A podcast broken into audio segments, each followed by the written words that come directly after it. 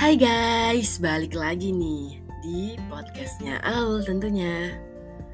Waduh udah lama banget nih aku gak upload podcast Dan tentunya langsung saja di podcast kali ini Berbeda dari sebelum-sebelumnya Karena aku bakalan sharing terkait dengan perjalanan aku Di akhir September kemarin sampai bulan Oktober Alhamdulillah. Aku dan sekeluarga uh, menjadi tamu Allah Jadi bisa berangkat umroh.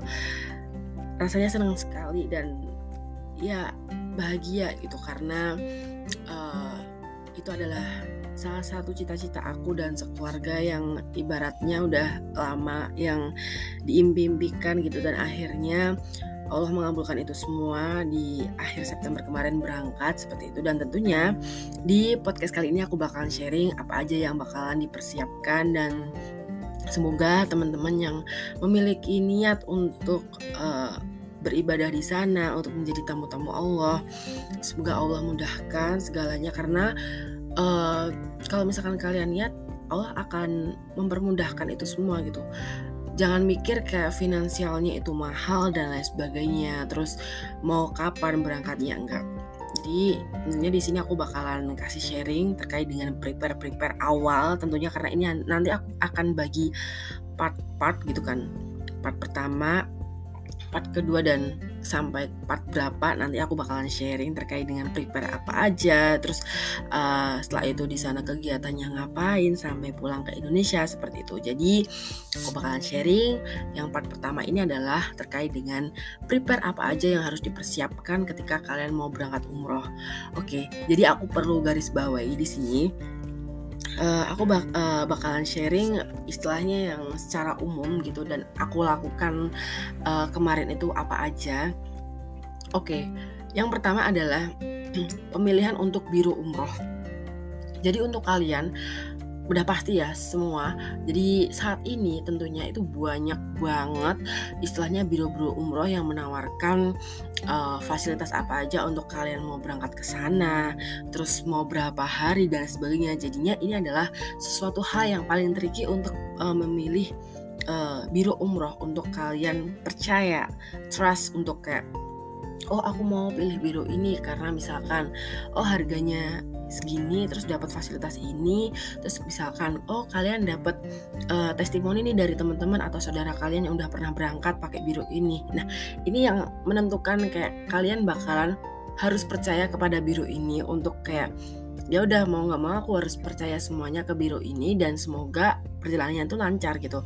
Karena tidak apa ya kalau misalkan kalian tahu kayak berita-berita kemarin itu udah lama banget kayak ada sih kayak biro umroh itu uh, kok udah apa namanya istilahnya membayar tapi kok belum kunjung untuk dipanggil atau diberangkatkan kayak gitu. Jadinya uh, menurut aku ini adalah suatu hal yang paling tricky untuk memilih biru umroh. Banyak banget pilihan untuk biru umroh saat ini untuk menawarkan fasilitas misalkan dari harga yang paling mahal biasanya itu hotelnya bintang 5 terus habis itu juga pakai kereta cepat misalkan kalau kalian dari Mekah ke Madinah atau sebaliknya Madinah ke Mekah itu pakai kereta cepat. Setelah itu juga pesawatnya ini yang menentukan sekali. Terus uh, fasilitas di hotel, terus ya pokoknya kalian harus pinter-pinter kalian cari biro umroh dan uh, setiap biro umroh tuh kalian harus pilih ataupun mencerna oh uh, apa namanya yang include dari harga segitu tuh apa aja yang exclude dari harga segitu tuh apa. Jadi kalian harus mencermati benar-benar kayak fasilitas yang diberikan dari biro umroh itu dengan penawaran harga yang segitu. Nah itu yang paling benar-benar tricky. Nah alhamdulillahnya kemarin itu karena aku berangkat di akhir September jadi aku sebetulnya keluarga aku itu uh, memiliki niat untuk berangkat sebelum adanya pandemi kurang lebih di tahun 2020 itu sebetulnya udah kayak uh, pingin banget rasanya untuk pergi ke sana tapi kok Allah dengan adanya pandemi otomatis kayak uh, perjalanannya semuanya ditutup dan di sana juga nggak bisa untuk menjalankan ibadah dengan adanya situasi yang tidak memungkinkan terutama di saat covid yang sangat-sangat melonjak tentunya Nah, jadinya ya udah kayak kita tuh bersabar. Terus habis itu ya udahlah mungkin belum apa namanya rezekinya untuk dipanggil tamu Allah pada saat itu gitu kan. Nah, alhamdulillahnya aku menemukan biro salah satu biro umroh ini karena uh, pimpinannya adalah temennya ibu aku. Jadinya uh, percayalah maksudnya kita udah percaya banget sepenuhnya dari biro ini. Dan apa namanya itu pertama kali keluarga aku mendapatkan info misalkan fasilitasnya itu berapa eh apa aja terus harganya berapa dan sebagainya. Itu kalau nggak salah di bulan uh, April kalau nggak salah. Jadi itu alhamdulillahnya uh, ada promo. Bener-bener ada promo untuk dengan harga kurang lebih sekitar 24 juta 24 atau 25 gitu. Karena uh, saat ini umroh itu kalau nggak salah paling murah 25an sampai 27 itu yang paling murah dengan fasilitas uh, ka kamar. Hotel itu biasanya diisi empat orang. Terus habis itu perjalanan dari Mekah ke Madinah atau sebaliknya itu ditempuh dengan bis nggak pakai kereta cepat. Terus uh, hotelnya itu bintang 4 bukan bintang 5 Terus ya pokoknya yang membedakan tuh sebetulnya harganya doang di fasilitas uh, pesawat, terus di fasilitas hotel itu yang menentukan banget dan uh, fasilitas perjalanannya juga. Nah, kayak wah ada promo nih harga dengan dengan harga segitu. Terus berangkatnya di bulan September akhir otomatis oh ya udahlah cepet-cepet. Karena kita nggak tahu nih keadaan yang bagaimana selanjutnya pandeminya itu nanti bakal melonjak atau lagi atau tidak gitu kan. Otomatis kayak ya udah cepet-cepet Bismillah. Niat untuk uh, bisa untuk diberangkatkan di bulan September kemarin. Nah, alhamdulillahnya uh, sekeluarga aku bisa uh, untuk mendaftarkan dan uh, dapat kuotanya tentunya karena dengan adanya promo itu kan pasti orang-orang kayak berbondong-bondong karena tidak mungkin uh, melewatkan dengan harga yang segitu bisa menikmati beberapa fasilitas gitu. Nah, untuk harga 24 atau 25 juta kemarin itu kalau nggak salah itu mendapatkan uh, apa namanya fasilitas selama 9 hari. Jadi ibadah di sana selama 9 hari. Nah, ini juga perlu jadi catatan kalau misalkan kalian mau memilih ibadah umroh, itu kalian mau targetnya mau berapa hari di sana? Mau 9 hari kah, 12 hari kah, 18 hari? Itu kalian pikirkan gitu. Jadinya Uh, sebetulnya kalau menurut aku so far 9 hari itu rasanya ya Allah bener-bener kurang banget karena di sana suasananya masya allah sekali tenang hatinya jadi tenang terus aduh bakalan istilahnya apa ya bener-bener kurang lah 9 hari menurut aku. Jadi tentukan uh, sebelum kalian berangkat mau pilih berapa hari gitu kan. Terkadang juga bironya menawarkan oh umroh plus Turki oh umroh plus Dubai atau oh umroh plus travel traveling ke mana lagi kayak gitu. Jadinya tergantung kalian mau milih uh, apa namanya fasilitasnya apa aja dan travelnya yang mau menawarkan uh, apa aja gitu tergantung dari kalian. Jadi uh, berpikirlah terlebih dahulu sebelum kalian menentukan kalian mau ambil paket apa gitu. Itu yang paling penting. Lalu yang kedua, setelah kalian memilih biru umroh, uh, setelah habis itu setelah kalian pilih biru umroh dan kalian mau pilih paket apa dengan fasilitas apa, nah otomatis kalian harus ngebayar DP dulu. Kalau nggak salah ngebayar DP itu tergantung dari pihak masing-masing travel. Nah ada yang misalkan, oh DP misalkan per orang 5 juta, itu kalian udah dapat uh, misalkan apa namanya perlengkapan misalkan koper terus kain ihrom dan lain sebagainya kayak gitu. Kalian kalau misalkan DP itu kan otomatis kalian udah dapat kuota untuk bisa keberangkatan di hari itu. Jadinya tergantung pelunasannya itu biasanya hamil satu bulan atau hamil berapa bulan kayak gitu. Jadinya tergantung dari uh, apa namanya biro umroh tersebut. Lalu yang kedua adalah ini yang paling penting banget Oh iya, untuk biasanya uh, di biro umroh itu tidak uh, mem, uh, apa ya istilahnya tidak uh, menjamin fasilitas atau exclude-nya itu adalah paspor dan juga vaksin meningitis. Nah, ini yang kedua. Nah, dengan adanya peraturan baru ini sebetulnya diuntungkan sekali karena uh, saat ini di Indonesia peraturan baru-baru ini untuk ibadah umroh itu tidak diwajibkan untuk uh, suntik meningitis. Nah, dan juga pemberlakuan paspor itu sekarang udah 10 tahun. Nah, kemarin waktu aku ngurus paspor ini udah yang kedua ya ngurusin paspor dan vaksin meningitis. Nah untuk paspor kemarin kebetulan aku masih yang di periode istilahnya hanya berlaku lima tahun aja belum 10 tahun gitu. Karena ini peraturan-peraturan baru. Terus kemarin juga aku masih uh, suntik meningitis karena untuk keberangkatan internasional itu biasanya nunjukin buku kuning atau buku untuk kalian uh, sudah apa namanya um, apa melaksanakan vaksin yang namanya vaksin meningitis. Nah, untuk paspor sendiri kalau misalkan kalian udah punya paspor dan istilahnya belum expired, nah itu bisa langsung digunakan. Nah kalau misalkan expired itu juga harus diperpanjang. Kalau misalkan belum punya ya kalian buat baru. Nah untuk pembuatan paspor saat ini semuanya serba online, pembayaran juga serba online.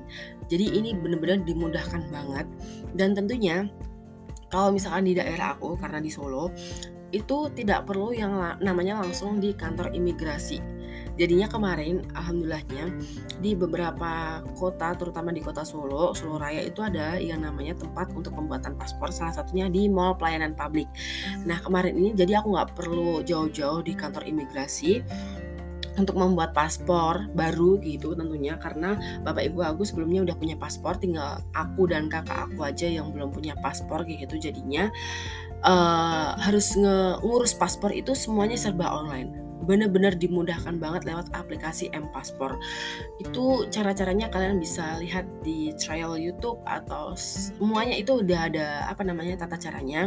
Dan tentunya harus benar-benar dipersiapkan berkas-berkasnya untuk isi yang di aplikasi M-Paspor. Kalau nggak salah kartu keluarga, KTP itu jelas, terus habis itu juga kalau misalkan udah nikah itu ada uh, buku surat nikah dan sebagainya. Pokoknya uh, memudahkan banget kok gampang kok caranya dan yang terakhir nanti bakalan kalian dapat bill untuk kalian ngebayar jadi ini adalah salah satu sistem yang menurut aku bagus banget ini mengurangi kayak orang-orang pungli atau orang-orang calon di kantor imigrasi ini bagus banget. Jadi tentunya kalau misalkan kalian datang di kantor imigrasi itu udah nggak bawa uang lagi.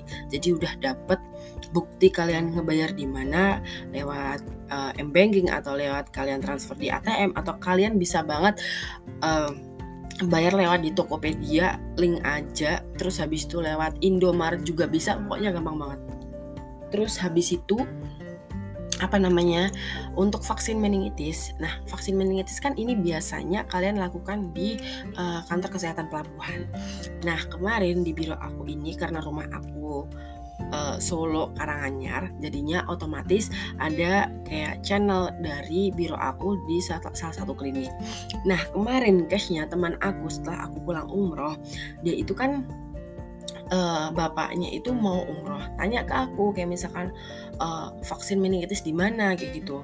Nah kalau aku kan kayak vaksin meningitisnya karena udah punya channel biru umrohnya jadinya udah ada ketersediaan udah kayak uh, dicim duluan gitu loh. Jadi nggak boleh dipakai dari biru umroh yang lain. Seperti, seperti itu kalau nggak salah.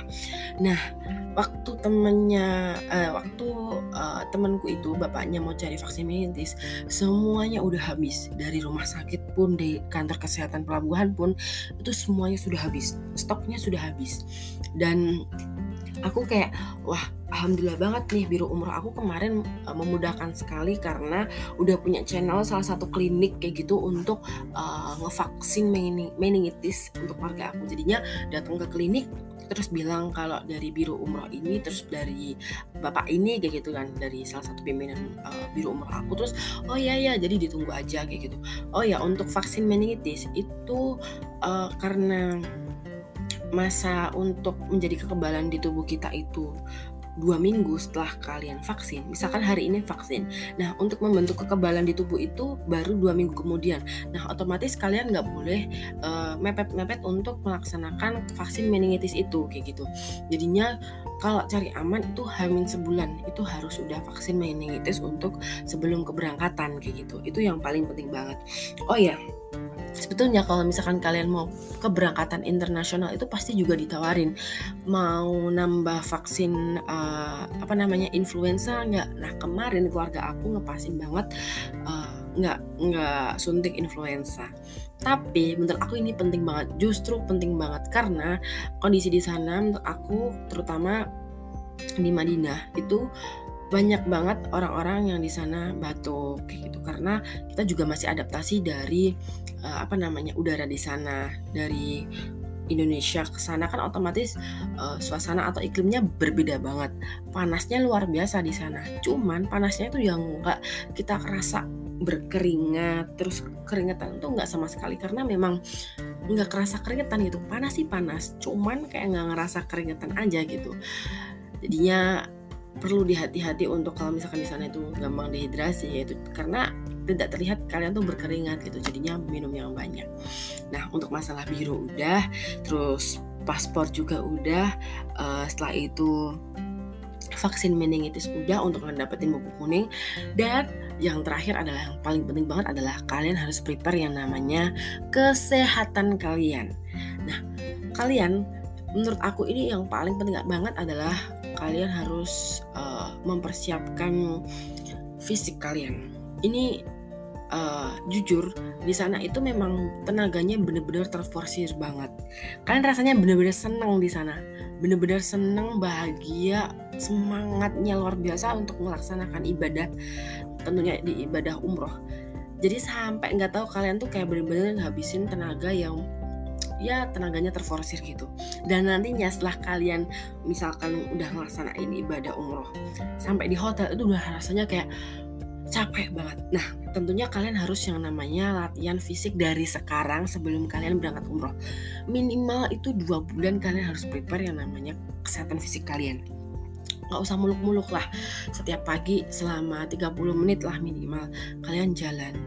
Terus habis itu kalian bisa jogging, kalian bisa pakai treadmill, dan yang paling penting sebetulnya adalah kalian bisa uh, namanya DD ataupun kayak sunbathing atau kalian berjemur. Itu yang paling penting banget untuk bisa menjaga imunitas kalian.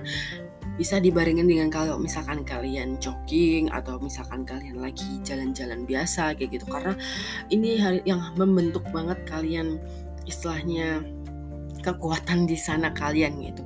Rasanya bener-bener di sana tuh rasanya cuman senang rasanya cuman semangat aja untuk ibadah. Jadi kalian nggak tahu kalau ternyata tenaga kalian tuh terforsir gitu loh.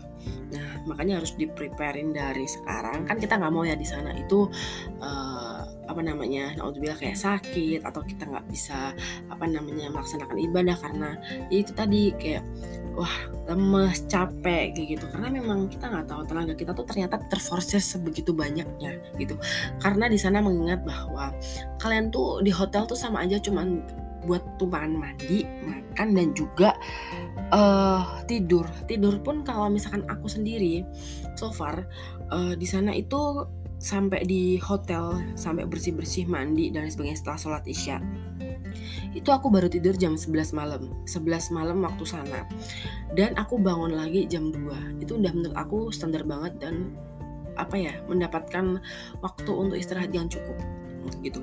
Nah karena apa? Di sana masya allah sekali uh, jam satu malam pun atau setiap harinya dini hari pun kayak rame banget guys. Jadi uh, kota yang nggak pernah tidur itu ya itu. Menurut aku adalah di kota Mekah dan Madinah. Itu selalu ramai orang untuk menjalankan ibadah.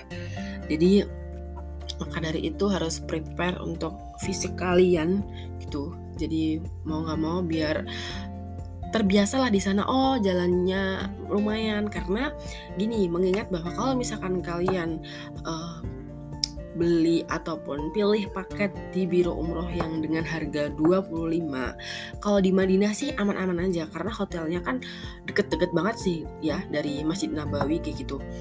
Dari hotel itu nggak nyampe 5 menit paling 5 menit lah mentok. Kalau misalkan kita jalan santai itu udah sampai di pelataran Masjid Nabawi kayak gitu Nah, beda halnya kalau misalkan kalian di Mekah. Karena di Mekah itu uh, kondisi jalannya itu naik turun, naik turun kayak gitu. Karena kan gunung ya, perbukitan ya. Uh, beda dengan Madinah, jalannya datar. Itu kalian uh, kalau misalkan beli paket yang harga 25 dari kemarin aku ambil uh, paket yang dengan harga segitu walaupun hotel bintang 4 itu lumayan jalannya sih dari pelataran uh, Masjidil Haram ke hotel karena jalannya tuh nanjak. Kita dari hotel ke masjid itu jalannya turun tapi setelah kalian dari Masjidil Haram ke uh, apa namanya ke hotel itu jalannya nanjak bener-bener nanjak sekali. Sebetulnya dekat. Kalau misalkan perkiraan aku tuh nggak nyampe uh, eh, 500 meter tuh nggak nyampe lah. Karena kita nggak berasa gitu hotelnya mau jauh atau mau deket. Menurut aku kayak kita senang, kita semangat, kita nggak kerasa. Dan kalau misalkan kita bareng-bareng sama teman-teman kalian, itu nggak berasa rasanya kalau misalkan ternyata itu jauh gitu. Nah ini yang paling berasa ketika uh, ini waktu pulangnya dari masjid ke hotel itu lumayan agak nanjak. Jadinya kayak ngos-ngosan juga sih. Dan yang paling penting biasanya mau tidur udah oles dulu krim-krim untuk kayak pereda nyeri kayak gitu gitulah jadinya sebenarnya dinikmatin aja. So far kayak enak aja kayak nggak ngerasa oh ternyata jauh ya. Enggak jadi kayak nggak ada kayak kita itu di sana kayak ngeluh karena rasanya di sana cuma seneng seneng seneng doang kayak gitu loh. Walaupun rasanya jauh dari kayak Masjidil Haram tempat hotelnya dan sebagainya nggak sama sekali tuh. Jadi yang itu tadi. Terus yang paling terpenting lagi yang harus diperbarkan adalah hati dan pikiran kita. Jadi sebelum kita ke sana kita itu niatnya di sana adalah ibadah. Untuk menjadi tamu-tamu Allah. Untuk menjadi eh, tamu-tamu Rasulullah Shallallahu Alaihi Wasallam. Jadi kita niatkan di sana jangan sampai kita itu uh, sampai sana itu bengong. Kita kayak ah apa sih, ah apa sih. Jadi itu belum termindset bahwa ternyata kita tuh di sana ibadah gitu loh. Jadi apa ya istilahnya jadi ini untuk menata hati dan pikiran tuh perlu banget juga agar di sana uh, kita terbentuk bahwa kita tuh menjadi tamu-tamu Allah di sana. Kita tuh ketemu ketemu dengan Rasulullah Shallallahu Alaihi Wasallam. Gitu kita ziarah oh gitu. Jadinya harus terbentuk uh, diri kita baik uh, batin kita, pikiran kita, batiniah kita, fisik kita itu semuanya nantinya adalah kita adalah menjadi tamu-tamu Allah. Maka dari itu kita harus prepare benar-benar prepare. Oh apa aja yang harus dipreparekan terus kita harus yang namanya menjaga sholat kayak gitu-gitu. Yang awalnya oh kita uh, sholatnya masih belum tepat waktu kita latih uh, apa namanya sedikit-sedikit sebelum kita berangkat umrah. Oh harus tepat waktu nih. Oh harus misalkan sering-sering kita uh, ke masjid nih biar terlatih untuk kayak misalkan kita berangkat dari rumah ke masjid kita bayangkan dari hotel mau ke masjid kayak gitu-gitu. Itu yang hal simpel cuman kita bener-bener kayak ngebentuk pribadi kita di sana biar kita uh, fokus untuk beribadah menjadi salah satu menjadi kayak tamu-tamu Allah gitu loh. Itu yang paling terpenting banget dan uh, yang pasti jangan sampai kalian di sana itu bengong kita nggak mau nggak tahu mau apa sih yang kita lakukan. Terus yang paling terpenting adalah kita kalau misalkan kalian udah dapat fasilitas misalkan koper dan lain sebagainya itu kan kalau uh, zaman sekarang itu kan bironya terkadang juga ada yang uh, ngasih panduan lewat headset. Kalau misalkan kalian uh, toaf atau kalian sa'i itu kan ada banyak-banyak doanya ya kayak gitu. Tapi sekarang ini dengan adanya kemajuan teknologi, nah biasanya tuh kan uh, ada nih kayak uh, biro aku kemarin masih manual masih dari mutawifnya itu teriak-teriak kayak misalkan ngebacain doa dari bukunya itu kayak gitu nah Nah, kalau misalkan kalian dapat buku doa-doa sebelum kalian berangkat umroh itu kalian harus pelajarin makna maknanya itu apa? Karena benar-benar artinya itu subhanallah banget sebetulnya kalau misalkan kalian dalamin artinya. Per tiap doa kalian mau tahu per tiap doa kalian mau sa'i dan lain sebagainya doa-doa yang dicantumkan di dalam panduan itu sebetulnya masya Allah sekali artinya. Dalam banget bener-bener dalam banget guys. Jadinya maka dari itu kayak kalian harus benar-benar persiapkan oh ternyata aku kayak gini. Terus uh, dibaca nih kayak larangan-larangan umroh tuh apa aja terus di sana itu uh, apa aja sih ngapain aja sih kegiatannya. Jadi nggak jauh beda. Nanti bakalan di sana tuh mau ngapain semuanya udah ada di bantuan buku yang dapat dari biro umrohnya itu guys. Jadinya kalian harus benar-benar prepare yang harus prepare. Nggak cuma prepare finansial semuanya prepare baju prepare apa pun itu untuk kebutuhan di sana prepare untuk uang saku di sana. Yang paling penting itu sebetulnya adalah batiniah kita pikiran kita hati kita itu semuanya harus terbentuk sebelum kita berangkat umroh. Dan tentunya kita udah punya ilmu duluan untuk berangkat di sana. Jadi walaupun di sana dibimbing mutawifnya, tapi kita udah sedikit-sedikit oh hafal nih kayak gitu. Oh sedikit-sedikit oh iya ini ayat yang udah aku pelajarin di rumah nih kayak gitu. Doa yang udah aku pelajarin di rumah nih kayak gitu. Jadi nggak bingung. Sampai sana tuh nggak bingung. Jangan sampai ya Allah kalian tuh di sana tuh bingung. Kayak pelonga pelongo terus kayak ha apa sih? Kayak gitu. Karena ada beneran ada guys. Kayak gitu. Ada orang yang di sana itu masya allah kayak mutawif aku teriak-teriak untuk membacain doa untuk kita tirukan. Ada salah satu jamaah yang ibu-ibu tuh kayak cuman diem aja kayak nggak tahu nih mau harus ngapain gitu. Jangan sampai guys jangan sampai. Jadi harus terbentuk jadi kita terlebih dahulu untuk siap benar-benar siap untuk menjadi tamu Allah kayak gitu jadi ini part pertama untuk awal saja untuk apa aja yang harus dipersiapkan untuk sebelum kalian umroh tentunya Oke, okay, untuk budget uang saku sebetulnya sih kembali di uh, kembali di kalian sendiri gitu. Kalau misalkan aku sendiri untuk prepare-nya dari biaya berangkat umroh, dari uang saku, dari misalkan kalian mau beli baju sebelum prepare untuk umroh, Semuanya adalah dari tabungan aku sendiri. Jadi, sistemnya dari keluarga aku itu kemarin untuk berangkat dan untuk uang saku itu kembali ke diri kalian masing-masing. Jadi, aku, kakak aku, ibu aku, bapak itu semuanya adalah diambil untuk berangkatnya itu adalah uang dari masing-masing tabungan itu sendiri. Kalau aku misalkan berangkat umroh dengan harga 25 juta, ya ambil dari tabungan aku. Itu udah dipreparekan sejak aku SMA untuk tabungan khusus untuk uh, berangkat ibadah umroh kayak gitu. Sama halnya juga kakak aku, ibu aku, bapak aku, semuanya kayak ada tabungan khusus untuk berangkat umroh. Nah, untuk masalah uang saku sebetulnya kembali di kalian sendiri. Kalau kemarin aku uh, ambil uang di tabungan untuk uang saku khususnya di sana itu adalah 3 juta. Nah, 3 juta itu kalau misalkan direalkan itu kalau nggak salah udah dapat uh, 700 sekian real kayak gitu. Lumayan sih. Jadinya 700 atau berapa ya? Lupa.